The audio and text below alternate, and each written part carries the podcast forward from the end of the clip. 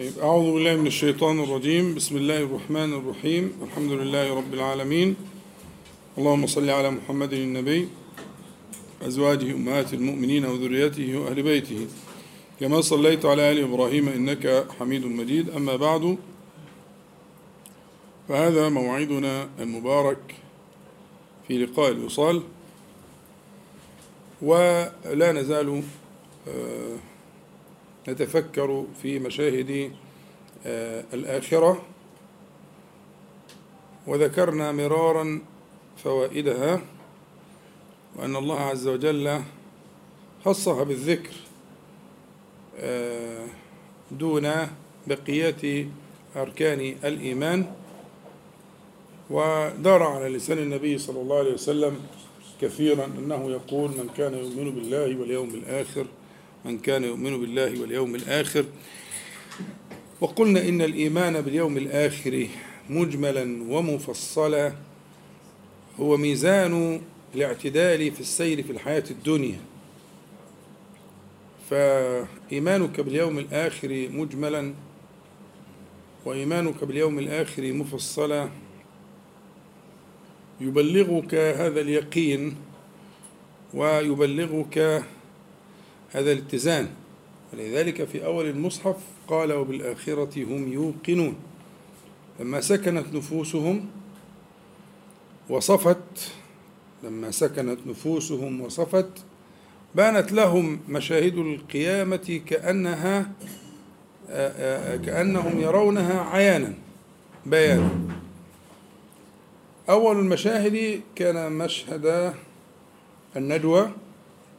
ثم كان مشهد أهل الغدر ثم كان مشهد كل يبحث عن معبوده ونحن لا نزال في المشهد الرابع من تلك المشاهد. نحن في مشهد المتكبرين يوم القيامة. المتكبرون في الدنيا يوم القيامة كالذر يغشاهم الذل في هذا المشهد. فالحديث الصحيح الذي رواه الإمام أحمد والترمذي وغيره الذي قرأناه في المجلس السابق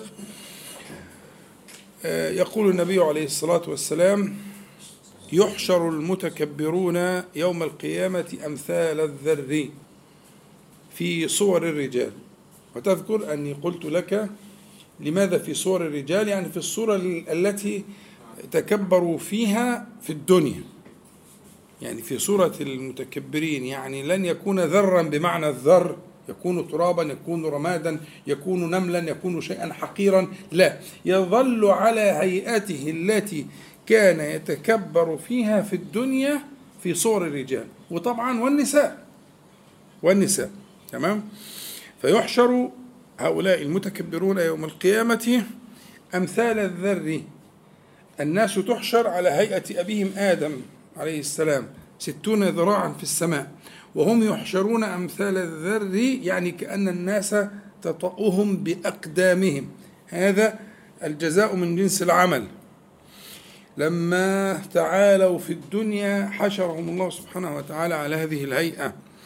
يقول عليه الصلاة والسلام يغشاهم الذل من كل مكان. الغاشية والغشيان يعني الإحاطة يحيطهم الذل فكان الذل هذا مخلوق. وكما قلت لك السكينة مخلوق والرحمة مخلوق والرعب مخلوق كما بينا مرارا. يغشاهم فالذل ده مخلوق من مخلوقات الله. كيف يغشاهم؟ الله أعلم. الله تبارك وتعالى سيكسوهم. يكسو هؤلاء المتكبرين بكساء الذل من كل يحيط بهم من كل مكان. تمام؟ إلى آخر الحديث. فالشاهد أن هؤلاء يكونون في هذه الحياة الدنيا في حالة من العلو والاستعلاء على خلق الله. لكن إحنا محتاجين برضو قبل أن نستكمل مشهد الآخرة نتفكر في معنى الكبر. في معنى الكبر. يعني ما هو ما ما هو الكبر الذي ستكون عاقبته كذلك؟ سيما وقد أخبرنا النبي صلى الله عليه وسلم أن أنه لا يدخل الجنة من في قلبه مثقال ذرة من كبر. يعني قد يدخل السارق قد يدخل الزاني ابتداء. الحديث المشهور قال وإن زنى وإن سرق قال وإن زنى وإن سرق وفي الثالثة قال له رغم أنف أبي ذر. آه وإن زنى وإن سرق. لكن ده لا. يعني قد يمر الزاني بعفو الله تعالى وقد يمر السارق بعفو الله تعالى ولا يمر من في قلبه مثقال ذرة ها؟ من كبر. فاحتاج الأمر أن تتمهل في القضية وأن تتأكد من خلو قلبك عن ذلك.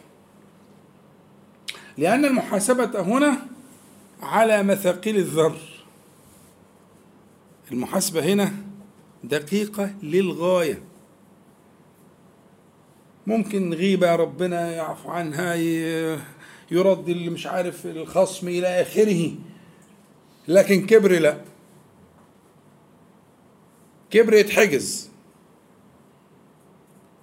كبر نازع الله عز وجل في كبريائه. ده ما يخشهاش. إلا لما ينضف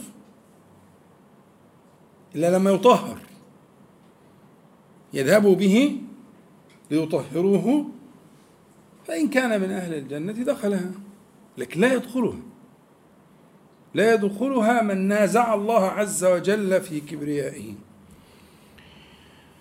فنحن نحتاج إلى ذلك. لما قال النبي عليه الصلاة والسلام هذا الكلام كان فيه شاب كما هي الأصل الحديث في الصحيحين و, و, و وله بيان في السنن عند أبي داود وغيره إنه كان شاب جميل وكان وسيم وكان يهتم بمظهره وكده زي حضراتكم كده يعني. يعني إيه؟ يعني يهتم بال في أبي داود الكلام ده بسند صحيح تمام؟ كان فكان هو لما سمع الكلام ده خاف. لأنه يعني يحب أن يكون ثوبه حسنا ونعله حسنا وشعره حسنا لا قول بقى زي ما أنت عايز. وكان جميلا. فسأل النبي عليه الصلاة والسلام عن ذلك يعني ذلك من الكبر. فنفى النبي صلى الله عليه وسلم له ذلك وعرف له الكبر تعريف في منتهى الأهمية له وللأمة وللناس إلى يوم القيامة لخطر المعرف. المعرف ده خطير جدا. سم قاتل. يعني كنت ينبغي أن تحذر من السموم القاتلة فهذا سم قاتل. كمية قليلة جدا منه ها تقتل القلب. أي جرعة من الكبر أي جرعة من الكبر تقتل القلب. فلذلك التعريف النبوي يهمك جدا. التعريف النبوي يهمك جدا ما تغفلش عنه. فالنبي عليه الصلاة والسلام يعني قال من بطر الحق وغمط الناس أو بطر الحق وغمط الناس روايات مختلفة. فقال عرفه أن الكبر ليس هذا الذي تسأل عنه من كون أنك تحب أن تكون أن يكون ثوبك حسنا ونعلك حسنا وشعرك حسنا. لا بأس لا بأس بذلك. أمال الكبر إيه؟ الكبر كما قال عليه الصلاة والسلام بطر الحق وغمط الناس كلمتين مش مألوفتين مش كده؟ طيب أنت لما تسأل يقول لك يعني إيه بطر الحق؟ دفع الحق، طب ليه ما قالش دفع الحق؟ أو واحد يقول لك بطل الحق يعني إنكار الحق، طيب ليه ما قالش إنكار الحق؟ صح؟ مش إحنا اتفقنا إن الكلمات دي بتفرق كل ما هو في الوحي نفتش عن إيه؟ عن آآ آآ أصوله ومعناه فهنجد إن في فرق كبير يهمك في حياتك طالما الموضوع بهذه الدرجة من الأهمية. يهمك إنك تعرف المراد من قوله صلى الله عليه وسلم البطر والكلمة موجودة في القرآن بطر ورئاء الناس إلى آخره. فما الف... ما المعنى الذي يفهمنا إذا كان هتقول دفع الحق وإنكاره ترفعا وتجبرا أو تكبرا صح؟ هو ده المعنى لكن أصل المعنى أصل المعنى مدار المادة في الكلام العربي كما شرحنا ذلك مرارا يدور على عارفين لما يكون في حاجة جمعت صديد أو حاجة زي كده في في زي خراج أو ها وجمع شيء فاسد منتن وشأنه أن يشق فيخرج هذا القيح ويخرج هذا الشيء الفاسد هذا الشيء المنتن هو دي مادة البطر. مادة البطر مدارها على ما يكون من شيء كريه جدا في باطن.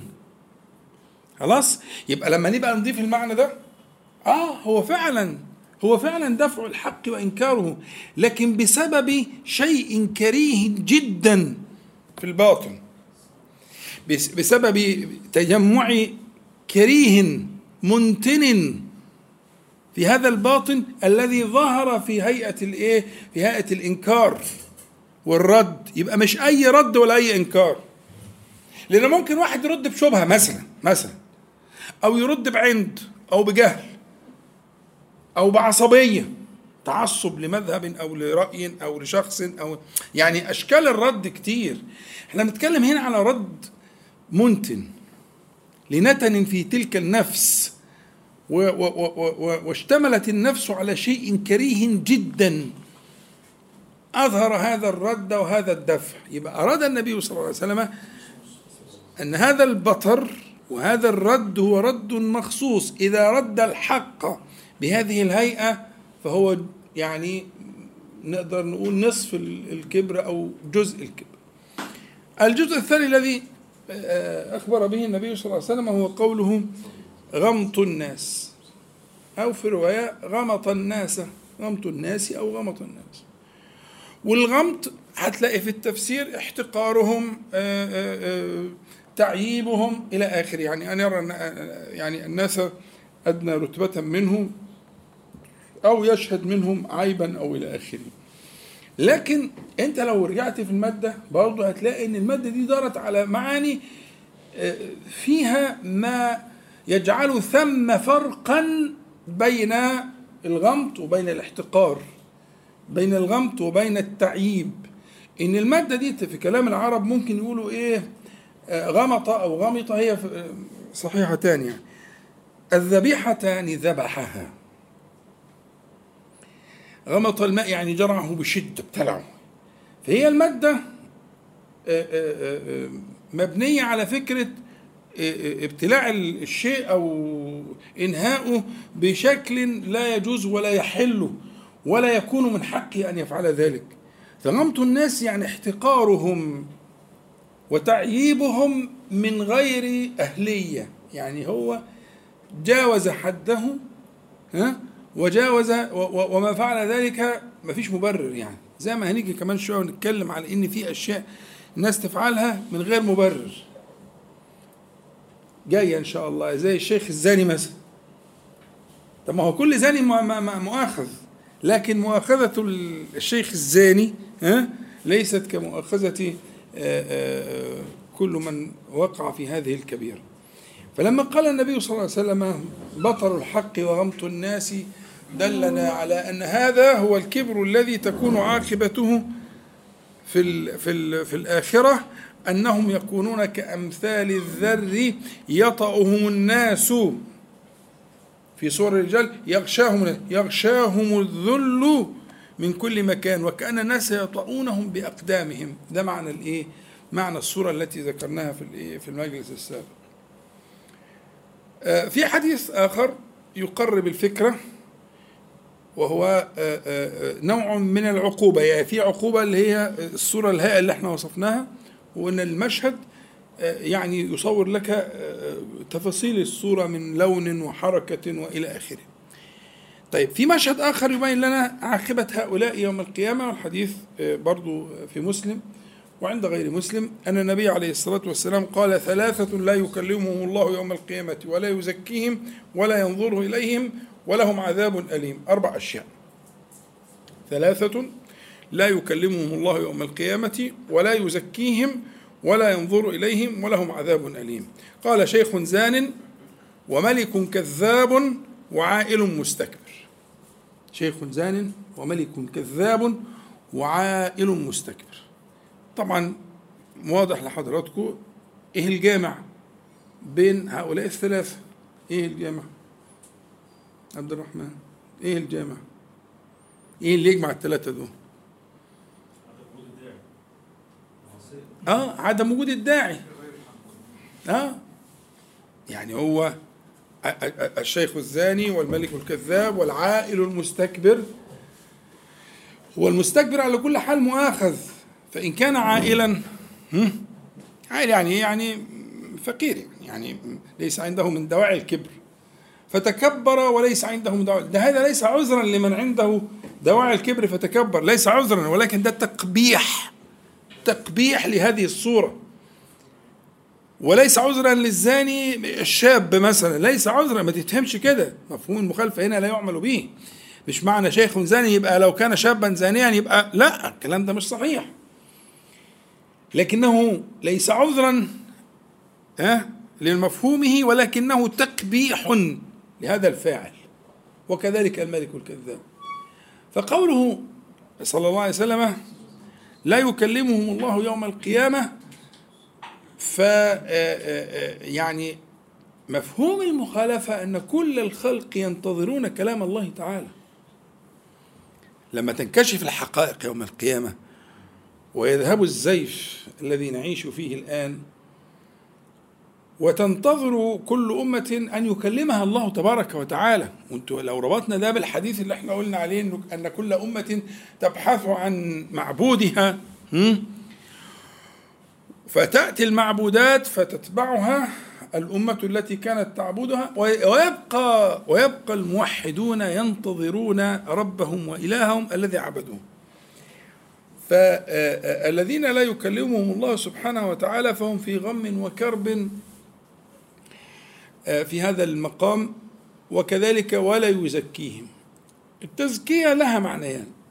معنى والأصل الكلمة يخدم هذين المعنيين. المعنى الأول معناها الطهارة والمعنى الثاني معناه النماء وبينهما ارتباط.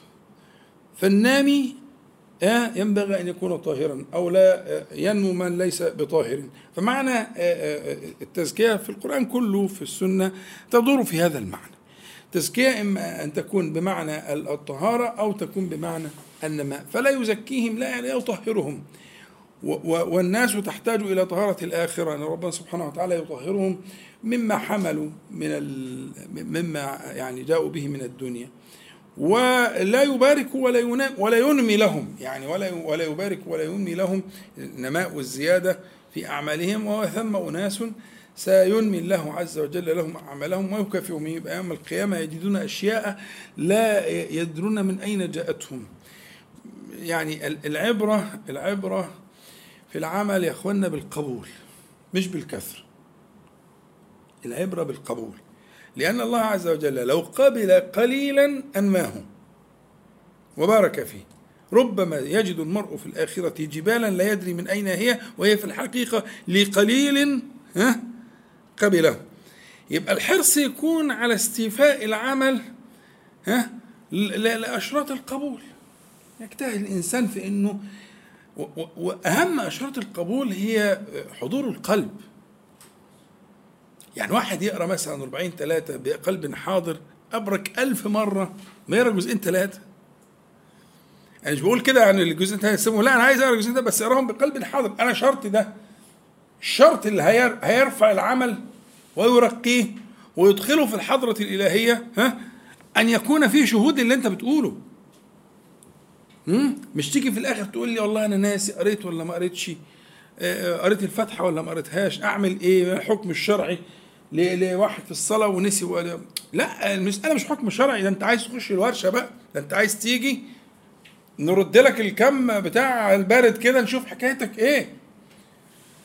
انت ده كبرت وقلت الاستفتاح وقريت الفاتحة وانت بعد كده متردد هو أنا قريتها ولا ما قريتهاش؟ أعيدها ولا ما أعيدهاش؟ أنا عايز الحكم الفقهي. لا أنت مش عايز الحكم الفقهي. أنت عايز تيجي الورشة. لأن أكيد في مشكلة كبيرة جدا. إن ربنا سبحانه وتعالى يقول حمدني عبدي وأنت مش هنا. أثنى علي عبدي وأنت مش هنا. فوض عبدي فوض إلي عبدي وأنت مش هنا. مجدني عبدي وانت مش هنا. هذا بيني وبين عبدي ولا عبدي ما سأل وانت مش هنا. انت إيه حكايتك؟ فتح بس. وأكرم به. والله فيها كل الكفاية. ومن أسمائها الكافية. تكفيك تماما. لو حضر قلبك فيها لانتقلت إلى حضرة علية مع الفاتحة.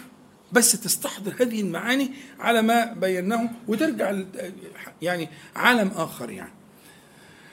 فالقضية هي قضية حضور القلب والشهود في هذه الأعمال التي تنقلها إلى مقام آخر وترتقي بها إلى مرتقى آه، آه، آه، في الحضرة العليا. أن الله سبحانه وتعالى ينقلك إلى ذلك.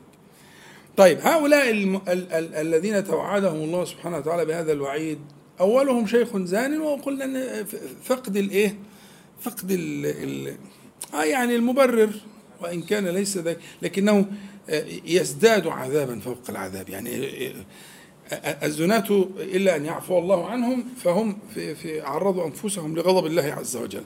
لكن أن يكون فاقدا فاقدا للإيه للمبرر.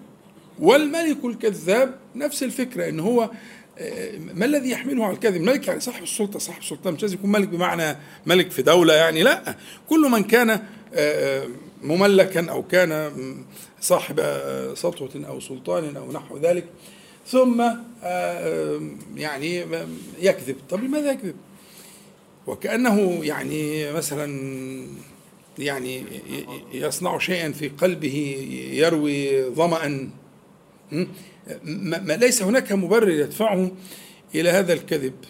فإذا رأيت ملكا كذابا فاعلم أنه سيكون من هؤلاء الذين يحشرون يوم القيامة كأمثال الذر. يغشاهم الذل يطأهم الناس بأقدامه. في حين ناس تانية هتبقى على منابر من نور. منابر قلنا يعني حاجة عالية عشان الناس كلها تشوف على منابر من نور. في أمان. يغبطهم الأنبياء والشهداء من مكانهم عن يمين الرحمن وكلتا يديه يمين جل جلاله. الله أكبر. يعني إذا العلو له معنى في الآخرة والمنابر والسفول والانحطاط وال... و... و... ووقوعهم تحت أقدام الناس يغشاهم الذل. فهذا الملك الكذاب ستراه هناك. وفي التاريخ لابد أن يوجد هذا الصنف. لأن النبي صلى الله عليه وسلم نبأ به. لابد من هذا الصنف. وهذا الصنف ده حتمي وقطعي. فلعل ذلك يكون فيه آه، آه، يعني نوع من شفاء الصدور. لأنه آه، الدنيا حقيرة وفانية ولا تطول وسيأتي يوم ترد فيه الحقوق. والأخير العائل المستكبر. من أخطر من أخطر سوءات الكبر هي قول الله تعالى سأصرف عن آياتي الذين يتكبرون في الأرض بغير الحق. طبعا اللي بيحضر معنا الصفوة بغير الحق دي لا مفهوم لها. يعني مش في تكبر بحق أو تكبر بغير حق لكن ده لتبشيع الصورة يعني. فكل كبر هو بغير حق. لكن هي العاقبة دي اللي تهمني. واللي بعدها في الآية بيان وأن يرى كل آية. لكن هي المسألة سأصرف ونسب الفعل لذاته العلية. لأن في تحدي هنا. في مبارزة. المتكبرون يبارزون الله عز وجل. فالله تعالى يقول سأصرف عن آياتي الذين يتكبرون في الأرض بغير الحق. وصور الصرف دي وإن يروا كل آية لا يؤمنوا به وإن يروا سبيل الرشد وإن يروا يعني ما يراه الناس هم لا يرونه يعني عارف لا يرى. لا يرى بمعنى لا يرى. مش الرؤية البصرية. لا ده ممكن يكون ستة على ستة رؤية بصرية. لا الرؤية القلبية. يعني الأمر الذي يدركه بسطاء الناس وعامتهم لا يدركونه. لأن الكبر غشاوة على أبصارهم. لا يرون ما يراه الناس. ها؟ والله تعالى الذي قال ذلك سأصرف الصرف فكأنها غير موجودة وكأنهم لا يستطيعون رؤية الأمور اللي هي التي يدركها كل قريب وبعيد وكل. فهذه في تقديري يعني الله أعلم أشد عقوبة في الدنيا. طبعا عقوبة الآخرة شرحناها. يحشرون كأمثال الذر يغشاهم الذل. دي عقوبة الآخرة. لكن في عقوبة في الدنيا. وإن يروا سبيل الرشد لا يتخذوه سبيلا. هذه حقيقة مهمة جدا. أن التحذير لعله أن ينتفع فيعود فينكسر بين الله سبحانه وتعالى لينتفع بآيات الله عز وجل لأنه لا هداية إلا في تلك الآيات التي ساقها الله سبحانه وتعالى إليهم. آه ولذلك استحق من جاءته الآيات وما كنا معذبين حتى نبعث رسولا وجاءته البينات ثم آه كان معاندا استحق أن يطمس. يعني هو في الأول لا بد من الإتيان الدليل والآية والبيان وإلا لا يعذب. فجاءته البينات وجاءته الهدايات فغلبته نفسه الحقيرة فبطل الحق يعني رده ردا سيئا لخبث فيه زي المشتمل عليه لخبث فيه كما بينت لك بطر الحق وغمط الناس غمطهم حقوقهم واستلبها منهم ها كالذي يتجرع الشيء جرعا أو يذبحه ذبحا غمط الناس. فلما جاءته البينات وفعل ذلك عاقبه الله سبحانه وتعالى بما نذكره في الأعراف اللي هو إيه؟ سأصرف عن آياتي. خلاص. والبيان بقى آية ما آياش دليل ما دليلش كل الكلام ده لا ينفذ إلى القلب.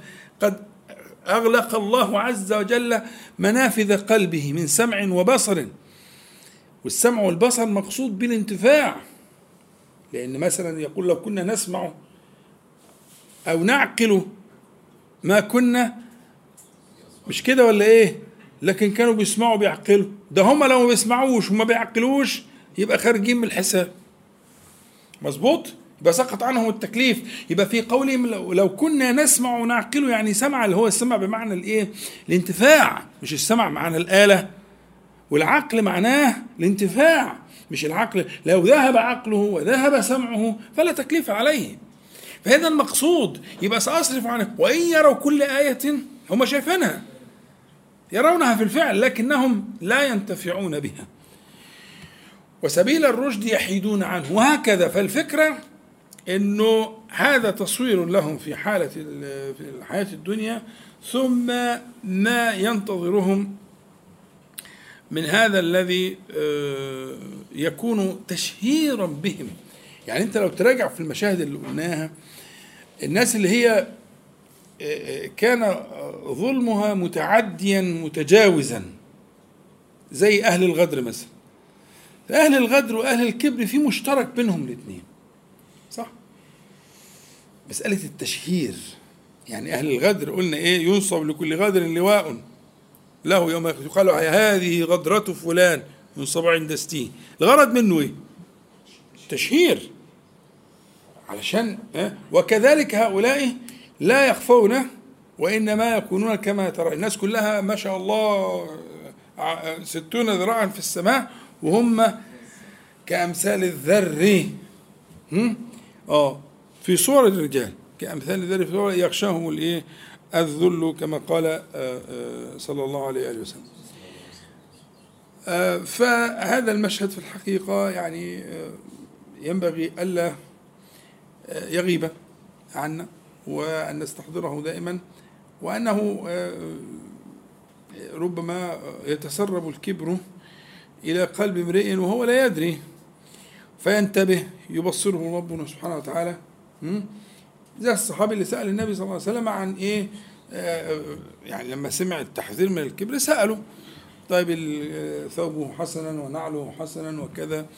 فبين له النبي صلى الله عليه وسلم. فأنا أهيب بنفسي وبحضراتكم أن تضع نفسك في هذه الإيه آه، في هذه المسألة دائما أن تسأل نفسك هذه الأسئلة وأن تأخذ بالأسباب التي آه، آه، توصلك إلى المقام الذي يحبه الله تبارك وتعالى منك من مقام خفض الجناح والتواضع والانكسار بين الله سبحانه وتعالى والإحسان للخلق. كل ذلك مما يبلغك المراد. نسأل الله تعالى أن ينفعنا جميعا بما قلنا وما سمعنا وأن يجعل حجة لنا لا علينا يا رب العالمين. إن شاء الله راحة قصيرة جدا عشان اللخبطة اللي حصلت ونرجع إن شاء الله بسرعة. طيب أعوذ بالله من الشيطان الرجيم. بسم الله الرحمن الرحيم. الحمد لله رب العالمين. اللهم صل على محمد وأنزل المقعد المقرب منك يوم القيامة. أما بعد ف آه، هذه الفقرة إن شاء الله تكون يعني عود تكون عودا حميدا إلى آه، تصحيح المفاهيم. والمفهوم الذي معنا الليلة هو آه، شيء من فقه الأولويات فقه الأولويات والحذر من أثر البيئة والعادات. فقه الأولويات. فأنا هسأل سؤال والفقرة دي فقرة تفاعلية. فتصحصحوا معايا كده وتصلوا على حضرة النبي صلى الله عليه وسلم عشان نعمل إنجاز. أنا آه، آه، هنبدأ بقصة إن إن عثمان بن عفان رضي الله عنه لم يشهد بدرا. عثمان بن عفان لم يشهد بدرا. ولكن لما تفتح في كتب السيرة وكتب الرجال تجدهم يعدونه بدريا. فاهمين؟ يعني هو لم يشهد بدرا. لم يشهد الواقعة. لكن لما تفتح في كتب السيرة البدريون معدودون بالواحد. فلان بدرية بدرية بدرية البدريين لهم نصوص خاصة بهم تمام؟ وكان شرفهم في الصحابة معلوم. يقال هذا بدري مظبوط؟ زي قصة حاطب بن أبي بلتعة قصة مش شهيرة كان بدريا. فكان الله تعالى قال لهم اعملوا ما شئتم. مفهوم؟ هذا بدري. فالثابت في السنة أن عثمان بن عفان رضي الله عنه لم يشهد بدرا. ولو فتحت في كتب السيرة هتلاقي إيه؟ عثمان مذكور. حد عنده حل؟ الإشكال ده؟ إن هو تغيب آه, آه، النبي عليه السلام هو اللي اقر على لا امره امره آه. صحيح. جواب صحيح. لأن النبي صلى الله عليه وسلم أمره أن يبقى في المدينة. و قال له إن لك كما في صحيح الإمام البخاري قال له إن لك أجر رجل ممن شهد بدرا وسهمه. عارفين سهمه يعني إيه؟ يعني سهم المقاتل. يعني أعطاه سهمه ولذلك أهل السير والعلماء لما عدوا البدريين عدوا عثمان رضي الله عنه. جابوها منين؟ أن النبي صلى الله عليه وسلم قال له إن لك أجر رجل ممن شهد بدر. عارف لو الحديث كده كان ممكن يترددوا. لما يقولوا إن لك أجر إن بالمدينة إلى رجالا. ما قطعتم واديا ولا سرتم مسيرا إلا شركوكم في الأجر أو إلا كانوا معكم. ممكن تحمل على معنى إيه؟ ها؟ معنى بلاغي. ممكن تحمل على معنى بلاغي. لكنها جزاك الله خير تسلم إيديك. لكنها تنتقل للحقيقة لما يضرب النبي صلى الله عليه وسلم له بسهم مقاتل. النبي لا يظلم. صلى الله عليه وسلم. فمش هياخد من مقاتلين وواحد يدي واحد مش مقاتل. يبقى قطعا قطعا هو كان معهم. والدليل عندنا إن هو إيه؟ ها؟ أعطاه سهمة. فالتعليل اللي هو تفضل به فضيل الدكتور إنه أمره. فلما أمره هو كان رايح فأمره. أن يبقى في المدينة. طيب. لماذا أمره أن يبقى في المدينة؟ ليمرض زوجه. من زوجه؟ رقية بنت النبي عليه الصلاة والسلام. كان آه، أراد أن يخرج فأمره النبي صلى الله عليه وسلم أن يمكث في المدينة ليمرض آه، رقية. رضي الله عنها بنت النبي صلى الله عليه وسلم. وكانت مريضة كان عندها حصبة. وهو المرض الذي بعد ذلك ماتت فيه رضي الله عنها. ف السؤال هنا بقى السؤال هنا هل الثقافة دي موجودة؟ يعني عايزين يكون في شيء من المصارحة يعني. هل الثقافة دي موجودة؟ طب ما ممكن أي حد تاني مرضها ما نساء المدينة كتير. تقعد جنبها واحدة ولا اتنين ولا تلاتة ويشوفوها. لكن أنا نروح في البتاع والجهاد وبدر ودي أول واقعة وبعدين ده ده سماه الله عز وجل يوم الفرقان. الذي يفرق بين الحق والباطل. وأصحابه بدريون إلى يوم القيامة. بالواحد كده معروفين. يعني مش حتى غزوة عادية يعني. لا. دي لها ما لها. فازاي الحسبة دي تيجي؟ أنا عايز أعرف. هل هذا التصور موجود؟ إن ممكن واحد في أيامنا دي يعمل حاجة زي كده مثلا؟ أنا عايز أسمع رأيكم. في كلام إن شاء الله بس يعني إيه ناخد وندي في المسألة. يعني أنا أنا يعني درست هذا في في في تجمع أو في غرف الأخوات. فكان الرد الفعل إنه أنتم أولى بهذا الكلام. أنتم أولى بهذا الكلام. يعني هذه هذه الفكرة مطروحة. يعني أنا مثلا مثلا عشان برضو ما إيه سمعت ما لا أحصي من المرات من ناس ينسبون إلى العلم والدعوة ناس فضلاء طبعا يعني. يقول إيه إن لي مثلا كذا من الولد بس أعداد كبيرة يعني عشرة أو حاجات زي كده الحاجات اللي هي الكبيرة دي. والله ما شهدت ولادة واحد منهم. على أساس يعني هو يبقى مشغول في الدعوة ومشغول في البتاع والدروس وحاجات زي كده. وما شافش ما حضرش ولادة ولا واحدة. وكأن ذلك من المناقب. من المناقب. إن هو إيه الولادة؟ دي حاجة عم تولد براحتها. لكن إحنا في الجهاد وفي الدعوة ومش عارف إيه و...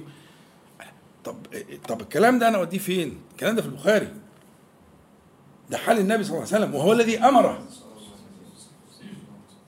أمره. طب يبقى أمره لماذا؟ عشان تطيب خاطر المسكينة دي.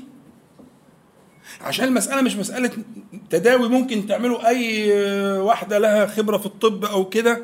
ممكن أي حد تعمله. ويمكن حتى نفسه هو هو عثمان رضي الله عنه ممكن ما يكونش خبير في الطب.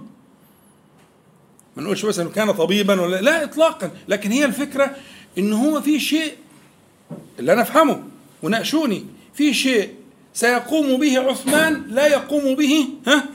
غيره. مش ده المفهوم؟ يعني ما هو الشيء الذي يقوم به عثمان ولا يقوم به غيره؟ ما هو؟ دعم النفس آه فمش مسألة أنت ما حضرتش ولا ولدت ولا عيل من عيالك لأن كان في مثلا طبيبات ماهرات وفي مستشفيات صح مظبوط أنا مش عايز منك إنك أنت تمارس الطب معاه أنا بكلمك على شيء محدش يعرف يعمله ولا يقدر يأديه غير حضرتك. انت بس. ولو كانت بدرا. ولو كانت بدرا. أنا عايز أسمع رايكم واحد ممكن يسيب شغله مثلا. دي أقل حاجة. قصدك يسيب شغله ولا ياخد أجازة. دي أقل حاجة. يعني انت لما تعمل كده ربما تلحق بعثمان وبأمر النبي صلى الله عليه وسلم. لعلك هذا هذا هذا هذا هديه تلك سنته. عليه الصلاة والسلام. ليس هو المعتاد عند الناس انه كل ما كنت تبقى أنت يعني كده من قال؟ في أولويات وفي ترتيب وفي واجبات. واخدين بالكم؟ والأمر مستفحل للحقيقة يعني حتى في بعض أهل العلم من ينسبون يعني إلى الفقه يعني. بيعملوا حاجة غريبة جدا جدا جدا. يعني هو حديث نفس إحنا إيه ناخد راحتنا شوية مع بعض. بس بنسجل. آه. يعني بعضهم بيقيس عقد الزواج على عقد بيع المنافع. عارفين بيع المنافع؟ اللي هو الإيجار يعني. يعني أنت لما تستأجر شقة أنت بتملك المنفعة ما بتملكش العين. فاهمين؟ سهلة دي. هي بيع يعني ال- ال- الاجاره في حقيقتها بيع. لما بتأجر عين محل أو شقة أو كده أو أنت هو بيبيع لك حاجة بيبيع لك إيه؟ ها؟ قول بقى معايا ها؟ المنفعة. بيبيع لك المنفعة. ويبقى مالكا للعين. يبقى مالك. فبيع المنافع؟ مفهوم اللي هو الإجارة في بعض الكتب قد تجد ذلك. هذا ممن يعني ينسب إلى الفقه. إن هو قالوا إن عقد الزواج هو عقد بيع منافع. يعني أنت مش مالك للعين. العين دي تبقى مين؟ آه لست مالكا للعين. ولكن أنت تملك المنفعة. بمعنى أنت لو مأجر شقة وبعدين حصل مشكلة كبيرة فيها في السقف أو في مش عارف إيه أو كده أنت مش مجبر على إصلاحها. أنت هتروح لملك العين تقول له تعالى أصل السقف مش عارف إيه أصل بتاع إيه طبعا مش أنا مش أنا المسؤول عن الإيه؟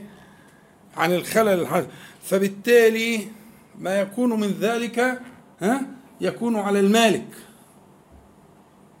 يكون على المالك ما يكونش على المنتفع بمنفعة العين. فيرجعها للمالك علشان إيه؟ يصلحها. واخدين بالكم؟ وصل الأمر إلى ذلك. إن إن العلاقة هتتحول لكده بس إحنا لما بندرس آه، آه، علاقة النبي صلى الله عليه وسلم بامهات المؤمنين وكذلك آه، في بيت النبوة عموما سواء الأمهات أو البنات نجد شيئا آخر. المعنى ده مش موجود. اللي قالوا الكلام ده لم يذهبوا إلى سنة النبي عليه الصلاة والسلام ولا الأدلة ولا حاجة خالص. ده قياس ربما يكون للتعليم لل... لكنه ليس حقيقة. مستحيل. أن تكون المسألة هي بيع منفعة وتبقى العين آه، آه، غير مملوكة. وترجعها للمالك اللي هو أبوها يعني عشان هو بقى يصلح ويرجعها لك الكلام ده مش كلامي طبعا فهل ده يتصور؟ ده أنا شايفه انحراف شديد جدا وبعيد كل البعد عن عن الهدي وعن السنة عن الحال المشرف اللي إحنا شايفينه ده أن يأمره أن يبقى مع رقية ليوم الرضا وأن يترك بدرا. بس في المقابل في المقابل ها جعله بدريا. وقسم له سهما. ورضاه بهذا الكلام. فيعني عايزين نتفكر مع بعض في في ال- في المسألة دي يعني. حد عنده كلام؟ اتفضل وبس نرجع بس لقصه سيدنا عثمان وسيدنا رقية وما كانش في حد مريض الا في المدينة الا سيدنا رقية يعني ليه النبي قال سيدنا لسيدنا عثمان روح لزوجتك يعني ممكن كان في مثلا اي ناس مرضى في المدينة ليه ليه ليه سيدنا عثمان ممكن كان ممكن كان يكون في اي مريض مرض من مرضى تجريد في المدينة وبرضه كان يكون رايحين يحاربوا أو أو ازواجهم رايحين يحاربوا في بدر ليش معنى سيد الرسول آه، ادى رخصه لسيدنا عثمان ان هو يرجع ممكن يكون يعني انت بنيت بنيت ال- الافتراض ده على اي أساس؟ لا إحنا ما نعرفش إن في كان حد خارج في بدر خارجين في بدر كانوا عدد قليل. مش مش أكثر الصحابة ده أقل الصحابة. الصحابة كانوا أكثر من 300 و- وشوية ونيف اللي خرجوا مع النبي عليه الصلاة والسلام. لا طبعا الصحابة كانوا أكثر من كده. اللي خرجوا بدر كان انتقاهم النبي صلى الله عليه وسلم نقاية واختيارا مش كل الصحابة خرجوا. بدر ده كانوا هم كانوا خارجين للعير. مش خارجين للنفير. بنص القرآن سورة الأنفال. هم خارجين للعير. هيروحوا ياخدوا أموالهم وحاجاتهم اللي استولت عليها قريش ويرجعوا بيها. ما أعرفش ما عنديش. لو أنت بقى لو أنت تشوف كان في امرأة أخرى كانت مريضة وكان زوجها كان إن ال- القصة دي تكررت مع غيره لا أدري. ولا عد علمي مش موجود في السنة الكلام ده. لكن إحنا ليه عايز تروح لحد تاني؟ إيه غرضك إيه؟ ان في صورة تانية يعني. يعني أنت عايز تأيد الفكرة ولا تعارض الفكرة؟ يعني إذا لو وجدت مثلا حد تاني ده يؤيد الفكرة ولا يعارضها؟ ما تدوا له فرصة هو الراجل خلص كلامه بس. أنت لو وجدت مثلا إن سين من الصحابة الكرام رضي الله عنهم حصل نفس الموقف قال لا إيه اجلس مع امرأتك مثلا. ده يؤيد الفكرة ولا يعارضها؟ زي الفل. المهم أنا افترض إن في اثنين وثلاثه وعشرة سنة. أنا يكفيني جدا جدا جدا في الاستنباط. حديث في البخاري. يكفيني جدا. ويكفيني جدا جدا موقف النبي صلى الله عليه وسلم لأن دي ابنته. خدت بالك؟ فيكفيني جدا. يبقى الأب والزوج اتفقا على هذا الخلق. وهذا السلوك. اللي هو للأسف ممكن يتقال عليه كلام مش لطيف في حياتنا. ترك المش عارف إيه وتخلف عن إيه. يعني ممكن ممكن. الجاهل ممكن يقول كده. لكن اللي عارف واللي عالم واللي ربنا منور بصيته زي حضراتكم كده مش هيقول كده. هيقول آه، يعني كما قال عليه الصلاة والسلام. ها كويس لو يعني ربما الأخ بيقول لهم حد مثلا تكررت ربما كويس ما فيش مشكلة. المهم إن كان هناك ما يعارض هذه الفكرة. اتفضل. كان أكتر على أساس إن ممكن تكون خصيصة ببنت الرسول صلى الله عليه وسلم. سامع. ممكن تكون دي خصيصة ببنت الرسول صلى الله عليه وسلم يعني مش حاجة عامة لجمع الناس. ويديله سهم. خلاص أنا همشي معاك. كويس أنا مبسوط جدا المناقشه جميلة جدا. لو هي رخصة يديله سهم. يعني يظلم المقاتلين؟ هي لو رخصة ما أعطاه سهما. لأن أصحاب الرخص اللي كانوا بيقعدوا ما كانوش بياخدوا أسهم. لكنه أعطاه سهما وعدوه بدريا إلى يوم القيامة. حاجة تانية دي بقى. كلامك لو هي على معنى الرخصة لو على معنى الرخصة ما كان يعطى سهما. لأن أصحاب الرخص كانوا في ناس كانت مرخص له وكانوا قاعدين. لكن النبي صلى الله عليه وسلم قال له في البخاري إن لك أجر رجل ممن شهد بدرا وأعطاه سهما يعني أجره وسهمه. أجره يعني في الآخرة. إن لك أجر رجل ممن شهد بدرا وسهمه.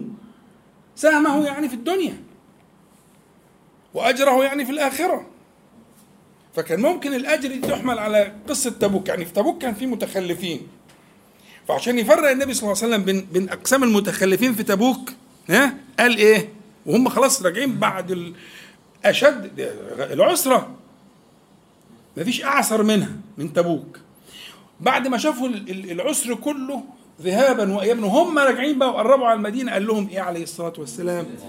إن بالمدينة لرجالا. رجال ونساء يعني رجال يكتب عليهم الجهاد يعني? ما قطعتم ولا وديا ولا سرتم مسيرا إلا كانوا معكم حبسهم العذر. صح؟ دول أهل العذر. واخدين بالكم؟ مقبول فكره لكن هنا الوضع مختلف. الوضع لأنه أنا يعني أنا عذركم يعني لأنه مصطدم مع الثقافة الشائعة. وإنه إيه اللي هقعد لها ديا والدعوة في سبيل الله والبتاع والخروج والدخول والحاجات الحلوة دي. هم؟ إزاي؟ ما هي قاعدة. ما أمها قاعدة جنبها و... أيوه أمها قاعدة جنبها بس أنت ليك دور لا يقوم به غيرك. تأكد الأول من قيامك بهذا الدور وبعد كده ربنا ياخد بإيدك وإيدينا يعني. في في سؤال تكملة للأسئلة اللي اتفضل اتفضل. يعني ألم يخشى النبي صلى الله عليه وسلم أن تثار شبهة بسبب أمر السهم ده بالذات؟ إن هو حاجة خاصة بال لا كلام النبي صلى الله عليه وسلم تشريع. إيه اللي شبهة؟ شبهه إيه شبهة عند المنافقين ما هم المنافقين كانوا بيقولوا في في القرآن كان نفسه يعني المنافق ما يسيبك منه. المنافقون آه يرجفون ويثيرون ال- لكن آه، آه، كلام النبي صلى الله عليه وسلم تشريع وما ينطق عن الهوى. وحتى لو حصل حاجة كان يراجع فيها بالوحي. ما كان لنبي أن يكون له اسرى مثلا يراجع فيها الوحي. عفى الله عنك لما أذنت لهم يراجع في الوحي. ماشي. لكن شيء استقر ولم يراجع فيه النبي صلى الله عليه وسلم ومروي في الصحيح وعلى درجات الصحة تشريع. قول النبي صلى الله عليه وسلم وفعل النبي صلى الله عليه وسلم وإقرار النبي صلى الله عليه وسلم ها؟ تشريع شرع. هو شخص عادي. ده مش اجتهاد مجتهد. ده مش كلام ال- الإمام الشافعي ولا كلام ابو حنيفة. ده شرع تشريع. تشريع استقر يبقى تشريع. فأنا ما عنديش مانع اناقشها لو لو هي مثلا اجتهاد أو كذا أو رجع فيه لكنه أمر استقر وثبت و و و وبعدين الدليل اللي جايبه لك خلي بالك معايا بعد ما تصلي على النبي عليه الصلاة والسلام إن ال ال العلماء عدوه من البدريين. يعني لما تشوف أهل بدر ترجعهم في أي كتاب هتلاقي عثمان فيها. فده ده قبول للأمة. يعني قد قبلت الأمة أن يكون عثمان بدريا ولم يخرج من المدينة. فهذا قطع في المسألة. يبقى فعل النبي صلى الله عليه وسلم وقوله ها؟ ثم ما عده العلماء من كونه بدريا. هذا قطعي في انها أنه يكون معهم على الحقيقة. يبقى إحنا ممكن نحمل حديث ما سرتم مسيرا ولا قطعتم وديا على الحقيقة. يعني كانوا معكم على الحقيقة. يعني يؤجرون على الحقيقة. مش على المجاز. مش مش مش مش كاف تشبيه. لا يكونون معكم. تمييزهم بقى هذا يرجع إلى الله تعالى. مين اللي كان بقلبه معاكم مين اللي كان آه، مش عارف إيه إلى آخره؟ مين اللي كان مشغول بدنياه؟ مين اللي تشغل بكذا؟ دي حاجة يعلمها الله سبحانه وتعالى. وتترتب عليها الأجور في الآخرة. لكن الحقيقة أنه سبحانه وتعالى آه، أجرى على لسان نبيه صلى الله عليه وسلم أنهم معكم. وكذلك آه، ما فعل مع عثمان. الحواجز التي تحجزنا عن ذلك هي من جنس العادات وال والثقافات والبيئات. وده أمر معتبر شرعا. يعني الشرع اعتبر كده وتدرج في إصلاح ما يكون عند الناس من تلك الأشياء. كنت عايز تقول حاجة يا سر آه كنت عايز أقول يعني الكلام فكرني برضه بحديث النبي عليه الصلاة والسلام تنفقه في سبيل الله ودينار تنفقه كذا وكذا ودينار تنفقه على أهلك اعظمها اجرا ودينار تنفقه على أهلك. فهو في شبه لأن الجهاد بالنفس والمال. فكأن الحديث برضه التاني ده عام بس الكلام على المال برضه في الترتيب يعني. الله يفتح عليك. الحديث ده رواه مسلم. صحيح. يعني. دينار أنفقته في سبيل الله ودينار تصدقت به ودينار ودينار أنفقته على عيالك أعظمها أجرا. لو أنت مش عارف الحديث وعندك الثقافة إياها اللي إحنا بنتكلم عليها دي هتقول أعظمها أجرا الذي أنفقته في سبيل الله. صح؟ لو أنت مش عارف الحديث. لكن هو الحقيقة الذي أعظمها أجرا الذي أنفقته على عيالك. بس له له له تصور له تصور. يعني دينار يحتاجه خليها بقى تظبطها بقى يحتاجه العيال. ودينار يحتاجه الفقير. ودينار يحتاجه في سبيل الله عشان تسوي. المقارنة لازم تسوي فيها عشان تقدر تشوف ال... فابدأ بحاجتهم. وإن انتهى الدينار خلاص انتهى وأنت كده أديته وأعظم أجرا من أن تنفقه وهم يحتاجونه. ده المعنى. مظبوط؟ فهي محتاجة. محتاجة إيه؟ محتاجة تشوفك يا أخي. يعني الولادة دي كأنه حاجة بي حد, حد بيقلع عينها بيطلع عينها في الولادة. تشوفك. تسكنها. تقول لها كلمة لطيفة. تكون جنبها. تطيب خاطرها. يعتبر النبي صلى الله عليه وسلم هذا إلى هذا الحد. أي والله يعتبر إلى هذا الحد. إلى حد بدر. نعم إلى حد بدر. وهو اختار في بدر مين؟ يعني كل ال ال ال الكبار الصحابة والصفوة الذين كانوا حول النبي صلى الله عليه وسلم كانوا معه في بدر. بلا استثناء. إلا عثمان. لماذا؟ لأنه كان في بدر. كان في بدر. بحكم النبي صلى الله عليه وسلم. واخدين بال حضراتكم؟ طيب اتفضل. نقطتين. النقطة الأولى في حدود طب لموضوع التمريض يعني الجيل بتاعنا اللي رحمة يعني بيمرضوا بأشكال متعددة وكتير. ففي حدود والله ما أنا بتكلم بجد. صح. هل في حدود؟ لأن الموضوع بيبقى مثلا في شغل ما يقصش شوية الناس بجد. تلاقي لا اصل أنا مكاتب وتعبان. فاقعد معايا. تتقال نصا وأنا مش شايف الموضوع يتحمل. عارف بقى وشايف فترة كلها وعارف إيه اللي ينفع وايه ما ينفعش من وجهة نظري يعني. وبيبقى فيها زعل وفيها حاجة بس أنا الحاجات. وفي أوقات أنا ببقى مش نافع إن أنا أستنى أو أقعد. فده رقم واحد. النقطة الثانية في حاجات مثلا فيها الأعراف أنا ما اتربيتش على إن أنا أبقى بالشكل ده آه، ولا بالوضع ده في كل الأوقات. فمش شايف إن ده عادي في ثقافتي وفي تربيتي مش كل الأوقات بقدر أشارك فيها كده هل يبقى عليا برضه وزن ولا؟ اتفضل يا سيدي. نعم. تكرار مثل هذه الحالات وظاهرها في عصرنا اللي هو بعيد عن عصر اللي هو القرون على ما أظن الله أعلم يحتاج لضبط تصرفات دفعا ل- ألا يسيء يسيء الناس الظن المتخلف عن العمل الإسلامي وبيان وجه الصواب الرجوع للعلماء عشان يضبطوا حق الشرعية في التخلف والتعالى من الشرع عمل إلى ذلك. البعد الشديد بيننا وبين سيدنا الله والسلام عليه الصلاة والسلام.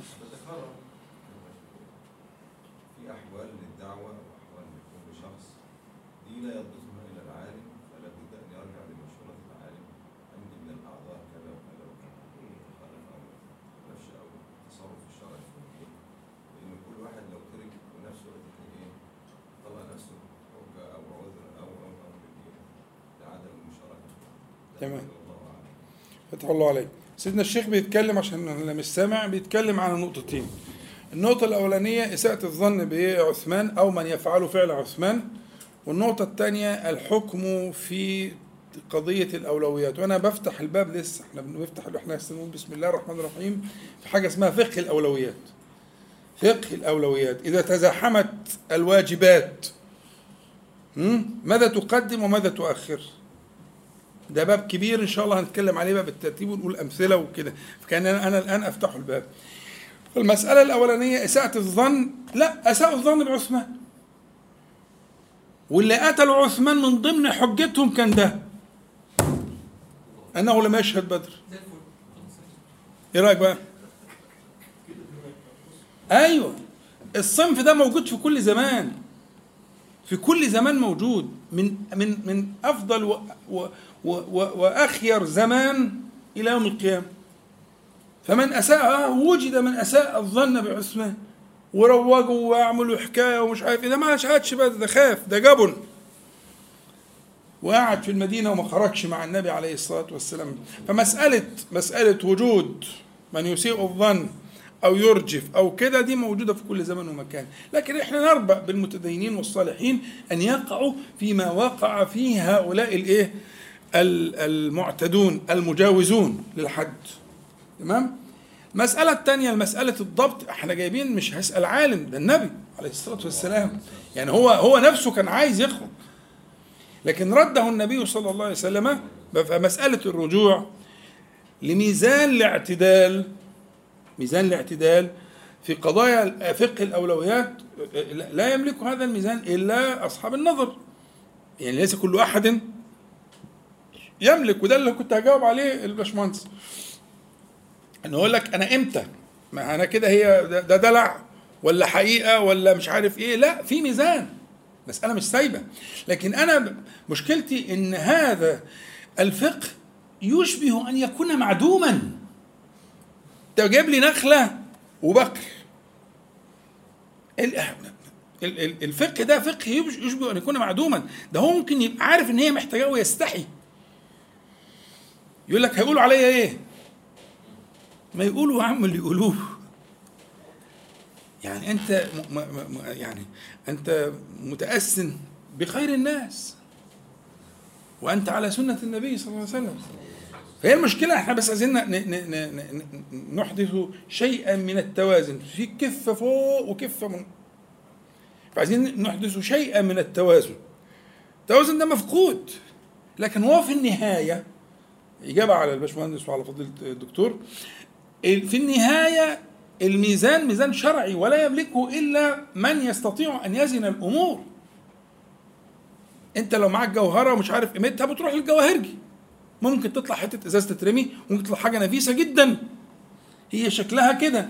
من الذي يستطيع من أول نظر يقول لك كذا أو كذا؟ آه.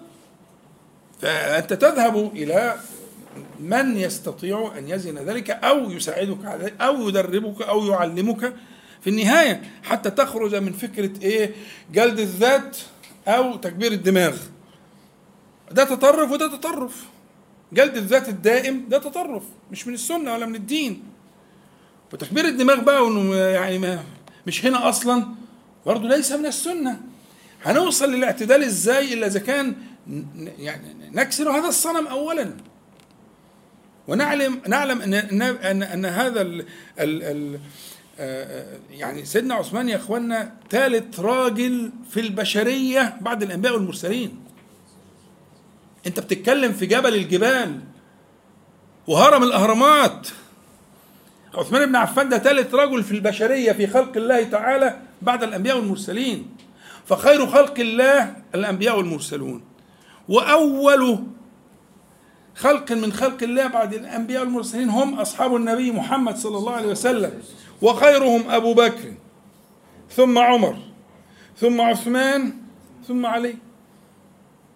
انت مش بتتكلم في شخص عادي. في شخص اجتباه الله عز وجل ليكون من أقرب الخلق الله إلى النبي عليه الصلاة والسلام إلى قلب النبي. ده النبي صلى الله عليه وسلم دار فخذه لما دخل عثمان. ولم يصنع ذلك مع بكر وعمر رجل تستحي منه الملائكة راجل كان بيوتر بالقرآن كاملا أنتوا بتتكلموا في إيه؟ ما هو لازم تعرفوا حجم اللي هنتكلم عليه. أنت بتتكلم عن عثمان بن عفان. ثالث الراشدين. فاهمين؟ يعني اعرف قدره عشان تقدر تفهم الحكاية إيه. لكن أثير عنه ما أثير، مش المسألة دي وعدة مسائل أخرى بس ده مش مقام. لكن الفكرة إن إحنا عندنا انحراف وعدم اتزان في المسألة. طيب هترجع الم... ترجع المسألة للاتزان إزاي؟ آه بالمعايير العلمية والشرعية اللي إحنا نضع هذه الأشياء. فهذا يعني فتح لباب الكلام عن مسألة الإيه؟ مسألة الأولويات. المسألة أظن كانت عند كتير من الناس محسومة. إيه هو؟ يا عم سيبك منها. ده أغلب ال ها؟ إلا من رحم الله. دلوقتي يعني لعلك تراجع نفسك وتفكر في المسألة وإن الموضوع مش كده وإن عندك أسوة طيب نعمل إيه اسأل وتعلم إلى أن تصل أن يعلمك الله سبحانه وتعالى الإيه الفقه في تقديم الأولويات. ولا ترجع في ذلك إلى أعرافك وعاداتك. أو عادات من تقلد أو تحب. ما تبقاش أنت بدوي فتيجي بعادات البداوة. والنبي صلى الله عليه وسلم يقول من بدا جفا. أو يبقى مثلا صعيد وتجيب عادات الصعايدة. أو مثلا ريفي وتجيب عادات الريف. لا أنا لا عايز ريف ولا صعايده ولا بداوه. أنا عايز النبي عليه الصلاة والسلام. وأنا هجيب لك دليل دلوقتي على اللي أنا بقوله ده. القصة الشهيرة اللي حكيناها كتير اللي هي في قصة عمر لما إيه كان بيتكلم مع زوجته في حاجة وبعدين رجعته. تراجعه فغضب عليها. قالت له تغضب ليه؟ والنبي صلى الله عليه وسلم يراجع. مين أنت؟ الكلام ده بعد الإيه؟ بعد الهجرة. بعد الهجرة. فهو عمر لما بيحكي قصة مع سيدنا ابن عباس قصة شهيرة بس الوقت أنا عارف إن الوقت طول فمش عايز أحكيها كلها. فيقول كنا معشر قريش قوما تغلب النساء. كنا معشر قريش قوما تغلب النساء. فلما قدمنا المدينة وجدناهم قوما تغلبهم نساؤهم. واخدين بالكم؟ فطفق نساؤنا يتعلمن من نسائهم. ده اسمه تلاقح ثقافات. فاهمين؟ يعني ثقافة قريش غير ثقافة يثرب اللي هي بعد كده بقت المدينة المنورة. ذهبوا من قريش يستصحبون هذه البداوة.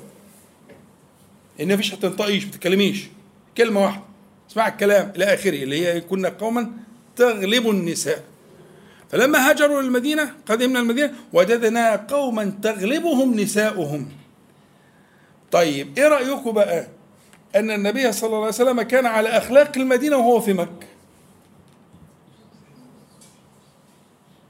لأن هي القصة سببها بتحتج بيها إيه؟ بتقول له أنت إزاي ما بتقبلش مناقشة؟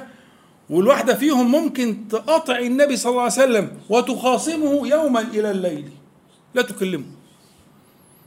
وهو يصبر عليها هي مرات عمر قالت لها وحفصة بتعمل كده؟ قالت له آه حفصة بتعمل كده.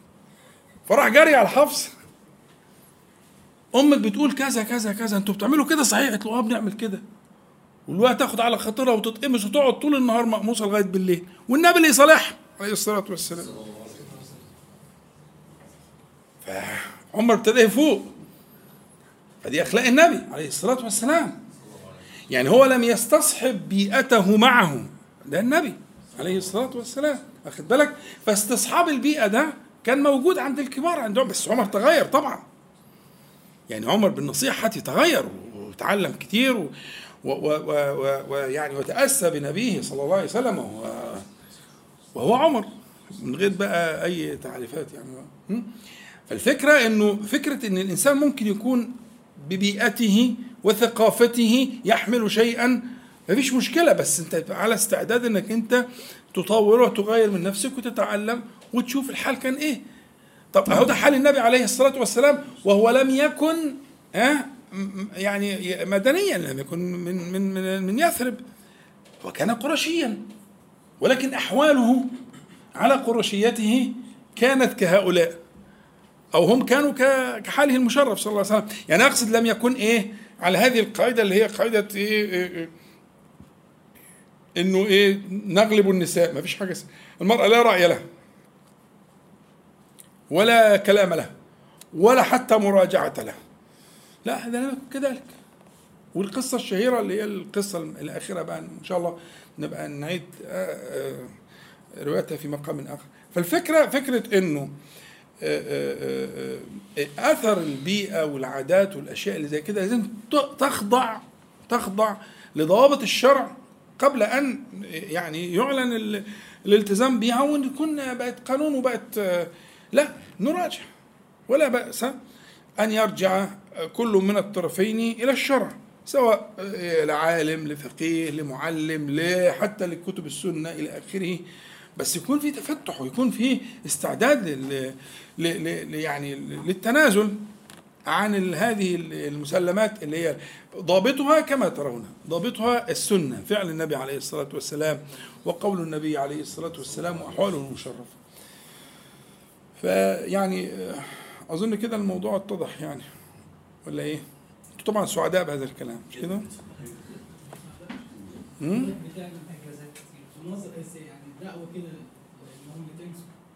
دعوة لإيه؟ هم يتدلعوا يعني. بس أنا عايز أسأل حاجة. هو هل طيب وأنت يعني بقول لك الدرس من الأول. نعم نعم. الدرس الأول تاني. لا لا ماليش دعوة. بشيء هو كلامه قل إن الواحدة منا لتراجع رسول الله صلى الله عليه وسلم حتى تظل يومه كله. يعني أنت عايز أكتر من كده إيه؟ يعني انت لو زوجتك عملت معاك كده هتعمل إيه. قلبت وجابت الوش التاني طول النهار. انت انت احسن من مين؟ النبي عليه الصلاة والسلام يا إخوانا. يصبر عليها. ويطيب خاطرها. وهي غلطانة. ولعله وربما وخلصت المسألة. القوي هو اللي يبقى حنين على الضعيف ولا إيه؟ وبعد إيه؟ خلاص أنتوا أحرار يعني أنا أنا هل بلغت؟ اللهم فاشهد يعني أنا يعني أجيب لك أكتر من كده إيه؟ الحال المشرف. حال النبي صلى الله عليه وسلم في أشرف من كده والأعلى من كده. وكمال الرجولة وكمال الفحولة وكل حاجة. لكن هذا حاله. وده أنا بكلمك الكلام ده مروي في أعلى درجات الصحة في البخاري وفي مسلم وفي أعلى درجات الصحة. ومتكرر ومتكرر وكثير وإلى آخره. السيدة عائشة لما غارت كسرت الصحفة. وقع الطعام على الأرض. عمل إيه النبي عليه الصلاة والسلام؟ ها؟ عمل إيه؟ قولوا لي. تبسم. تبسم. وجعل يجمع الطعام من على الأرض ويقول للأضياف غارت أمكم غارت أمكم. بس في العدل قال لها هذه بتلك عشان ما فيش ظلم. خد انت المكسورة وهنرجع السليمة لصاحبتها. يعني بالله عليك لو واحد فيكم تعرض لموقف زي كده هيعمل إيه؟ عندك مشايخ وعندك ضيوف وعندك ناس حبايبك ومش عارف إيه وقاعدين وبتاع راح تكبل بتاع على الأرض.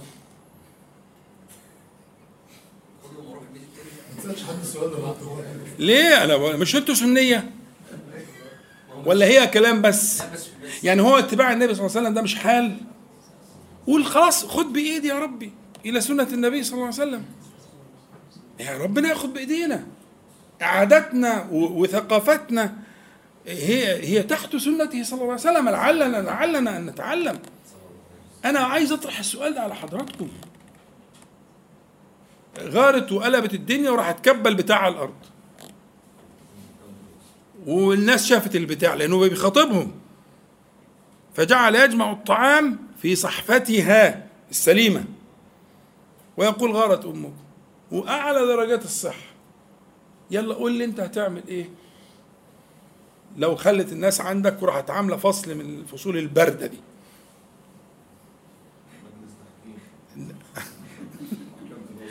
محكمة الأسرة طب مش أنتم انكم تدعون حب النبي صلى الله عليه وسلم واتباعه؟ طيب الدعوة تحتاج لبرهان. ده, في إرهاق العصر ده إن حد يوصل لدرجة حلم النبي أو الأخلاق النبي اللي هو ده كمان. طيب أنا مش عايزك تصل لحلم النبي لكن مش عايزك تتأسى به. بس أنا مش بقول لك هتوصل للنبي صلى الله عليه وسلم. ما حدش هيوصل للنبي في خلق الله.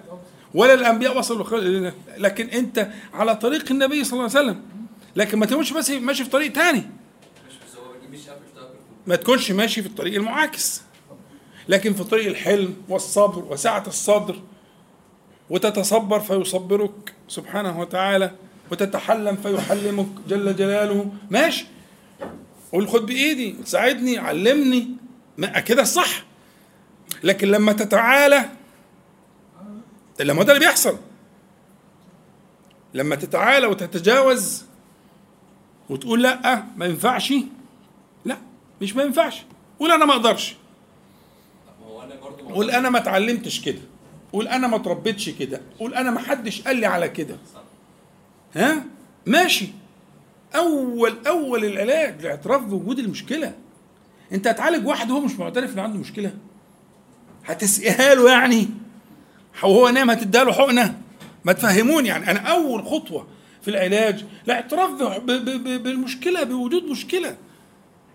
أنت هتعترف إن عندك مشكلة. أنت مستصحبها من البيئة والعادة والبتاع. يقول طيب تعالى بسم الله الرحمن الرحيم. لكن واحد مش معترف أصلا إن في مشكلة. طب يا حبيبي شوف أدي سنة النبي عليه الصلاة والسلام وأدي تهذيب النبي صلى الله عليه وسلم للصحابة الكرام لعمر وغيره وغيره تهذيبه لهم. وتخلوا عن تلك العادات وتلك الموروثات وانتقلوا إلى حال كحال النبي عليه الصلاة والسلام. وحكي عن عمر بعد كده أشياء من هذا المعنى. واحد راح يشتكي له فسمع الدوشة فراح راجع.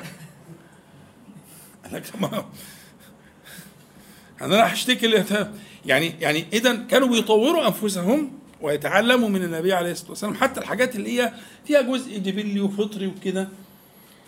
فما فيش مشكلة. حتى لو أنت جاي مستصحبا تلك الأشياء فلا بأس. اتفضل حضرتك. رفعت إيدك كذا مرة. اتفضل لو حضرتك يعني فعلا بتكلم على نقطة يعني نقطة إن هي فعلا ممكن الدافع المرأة ممكن تكون فعلا مقصرة في أشياء أو مثلا ما تسمعش كلمة في, في أشياء أو مثلا فصل برد ممكن ده يدافع يعني أغلبنا إن هو ممكن فعلا لو هي يعني تعبانة أو هو شايف هي تعبانة ممكن لا يبادي فعلا إن هي يعني مثلا في أشياء مقصرة فيه. فبالتالي ممكن ما يباليش مثلا لو هي تعبانة أو عايزة تروح للدكتورة أو كده أو كده ممكن ما يباليش فعلا بسبب أسلوب المرأة ذات نفسه. يعني الواحد لازم بيعين يعني العيب عندها ولا عندك؟ ممكن يعني الاثنين مشترك. يعني ممكن خلاص خلينا في الجزء اللي يخصك. ماشي. أصل هي مش قاعدة معانا دلوقتي. يعني إحنا بنتكلم مع حضرتك. لو هنفترض نف- نفترض وأنا ما عنديش مشكلة إن المشكلة لها شق هنا وشق هناك. أنا اتعامل مع الشق الموجود امامي الآن اللي هو حضراتكم الشباب الرجاله المتدينين الذين يدعون وصلا بليلى يدعون حبا لسنة النبي صلى الله عليه وسلم يدعون تسليما. فلا وربك لا يؤمنون حتى يحكموك فيما شجر بينهم. ثم رتبة ثانية ده ده ده, ده, ده التراخي الرتبي. تراخي رتبي يعني أول ي- تحكيم النبي عليه الصلاة والسلام. الرتبة الثانية لا يجدون حرجا. في صدورهم حرجا مما قضيت. دي دي دي الرتبه الرتبه الثانية. ثم والث- والثالثة بقى التسليم. ويسلم تسليما ثلاث رتب. ثلاث رتب لاستكمال إيه؟ ها؟ لا يؤمنون. يعني لا يكتمل ايمان ده كمال الإيمان. يعني اكتمال الإيمان لا يكون إلا مع سنة النبي صلى الله عليه وسلم بالثلاث مراتب دول تحكيم النبي عليه الصلاة والسلام ها؟ نفي الحرج في الصدر تجاه حكم النبي عليه الصلاة والسلام التسليم تسليما وهنا ال- ال- ال- المصدر جاي عشان إيه؟ حذف الوصف بتاعه. قول بقى زي ما انت عايز تسليما مطلقا تسليما غير محدود تسليما ظاهرا وباطنا. ده حذف الصفة. إنما الكلام العرب لازم يكون فيها صفة. يسلم تسليما. لما يجي المصدر بعد العامل بتاعه يبقى هنا في صفة. تحذف ليه؟ للتوسيع للمبالغة. تسليما ما بعده تسليم. زي ما انت عايز. قول زي ما انت عايز. زي ما أنتوا اتعلمتوا. حلو؟ جميل. دي مرتب ثلاثة انت في انهي رتبة؟ اسعى ان ربنا ياخد بإيدك سبحانه وتعالى وتحكم حال النبي صلى الله عليه وسلم. مع أدق شيء البيوت مش هتعمل غير بكده. يا إخوانا نسب الطلاق مذهلة. خراب البيوت مذهل. الوسائل وسائط ال- ال- التواصل الاجتماعي والحاجات دي خربت البيوت أشعلت النار في البيوت. إحنا بنتكلم في خطر داهم. وبداية الحل بأيديكم أنتم. وهن تبع لكم مسألة جد لا هزل فيها. في منتهى الخطورة لكن الندية والراس بالراس وهنا لإيه في النتيجة في النهاية؟ الواحدة من هنا كانت تراجع النبي صلى الله عليه وسلم يوما. وهو ده ده هو حظها. وتقعد هو الذي يطيب خاطرها عليه الصلاة والسلام. ويتودد إليها ويصنع كذا وكذا. إيه الحكاية؟ خلاص اتكلم في الجزء اللي يخصك والباقي اطلبه من ربنا. لكن أنا أرى والله أعلم أنك أنت لو أتقنت هذا الجزء الذي يخصك ربما تصل إلى آآ آآ يعني آآ أغلب الطريق. لا أقول منتصف الطريق لكن إن شاء الله تصل إلى أغلب الطريق. ويبقى شيء يسير بالنصيحة لها تتعلم. لكن آه، آه، لا يس وأنا قلت لك قبل كده من من من يعني آه، آه، ابن عباس رضي الله عنهما الذي دعا له النبي صلى الله عليه وسلم اللهم فقهه في الدين وعلمه التأويل ها أفقه أصحاب النبي صلى الله عليه وسلم في في القرآن بعد ال- الراشدين يعني. وكان سيدنا عمر بيجلسه في مجلس مشورته على صغر سنه عيل صغير. والصحابة ابتدوا يجدوا في أنفسهم إن لنا ابناء مثله ها؟ كل واحد يجيب ابنه معاه بقى. عشان شرف القعدة في الإيه؟ في في في في مجلس النبي صلى الله عليه وسلم مجلس المشوره مجلس عمر مجلس الخلافة ها؟ فأراد عمر ي- يبين لهم قدره. فلما اجتمعوا سألهم عن تأويل قول الله تعالى إذا جاء نصر الله والفتح فكل واحد بقى يقول كلمة كلمة كلمة فسأل ابن عباس فقال هذا نعي رسول الله صلى الله عليه وسلم. فقال ما أعلم منها إلا ذاك. عمر. فعرفوا بقى. عرفوا قيمة ابن عباس. على صغر سن كان شاب عنده 19 سنة حاجة زي كده وكلهم أشياخ. بس عرفوا قيمته. قيمته جاية منين؟ من القرآن الكريم لأن النبي صلى الله عليه وسلم هو الذي دعا له. وعلمه التأويل. التأويل يعني التفسير يعني؟ فابن عباس واختار ذلك ابن جرير الطبري هو إمام المفسرين. آه، آه، آه، في قوله تعالى ولهن مثل الذي عليهن بالمعروف ده تساوي صح؟ ولهن مثل الذي عليهن بالمعروف وللرجال عليهن درجة. فابن عباس يفسر الدرجة دي بقوله إني لا أحب أن أستنظف حقي كله عليها. لأن الله عز وجل يقول وللرجال عليهن درجة. فتفسير ابن عباس للدرجة دي إن هو ما ياخدش حقه كله. لأنه لو خد حقه كله هيتساوي تتساوى الروس. أمال كيف يكون له درجة؟ أن يتغاضى عن بعض حقه أن يتغافل أن يعفو. التغافل والعفو والتغاضي. هذا هو الذي يرفعك درجة. يبقى الدرجة المذ- المذكورة ده تفسير ابن عباس. الدرجة المذكورة ها وإن فسرها غيره غير ذلك لكن أنا اللي يعنيني هذا التفسير العميق الدقيق هذه الرؤية. ابن عباس ها هذه الدرجة درجة التغافل والتغاضي والصفح والعفو. آه صح كده. تستحق أنت هذه الدرجة. هذا الفقه آه، يعني يحفظ البيوت. يحفظها والله. يحفظها من الدمار ومن ال- البغضاء ومن الشحناء ومن الفراق و و و و والضابط بأيديكم أنتم. ليس بأيديهن. هذا ليس تشجيعا لهن. ها؟ لهن حوار آخر لهن نصيحة أخرى. لكن أنا أبدأ بأصحاب الحق. الأول أنتم. قد جعل الله عز وجل عقدتها بأيديكم؟ فامسكوا بها أو فأمسكوا بها على الوجه الذي يحبه الله تعالى منكم ويرضاه. سلمتوا تمام؟ هو الواحد ممكن يستحضر نية إن هو يكون بدريا بالنية نعم نعم نعم. نعم أيوه طبعا. نعم. لا ياخد سهم برضه إن شاء الله. عشان بس أستحضر. أيوه أيوه يعني إحنا هنوزع حاجة في القعدة دي وأنت غايب. هنحفظ لك نصيبك إذا كنت أنت بتقوم بالواجب ده. صح؟ يعني لو إحنا هنعمل عمل من أعمال البر وأعمال الإيمان وأنت تخلفت لهذا السبب فسهمك محفوظ. نبعته لك لغاية البيت إن شاء الله. بس تكون تكون بنية التأسي بحضرة النبي عليه الصلاة والسلام وبعثمان رضي الله عنه. وأن ترفقوا بهن. اسمعوا الكلام. فاستمتعوا بهن على اعوجاجهن. ده أمر من النبي صلى الله عليه وسلم ليك خير فيه. المرأة خلقت من ضلع. يعني أعوج.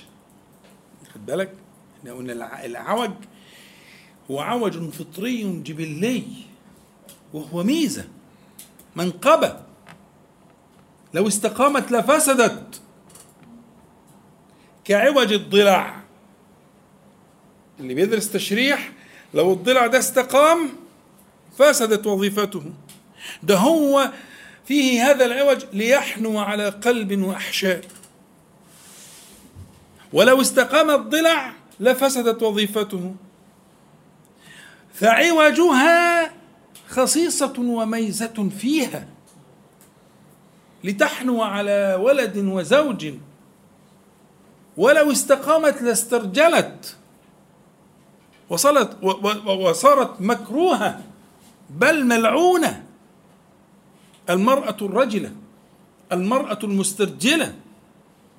ده هي جمالها في هذا العوج.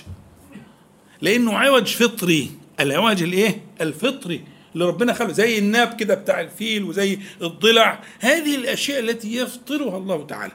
على أعوجاجها إنما يكون ذلك اللي بيسموه ال ال ال ال ال الخلقة الوظيفية. التكيف الوظيفي.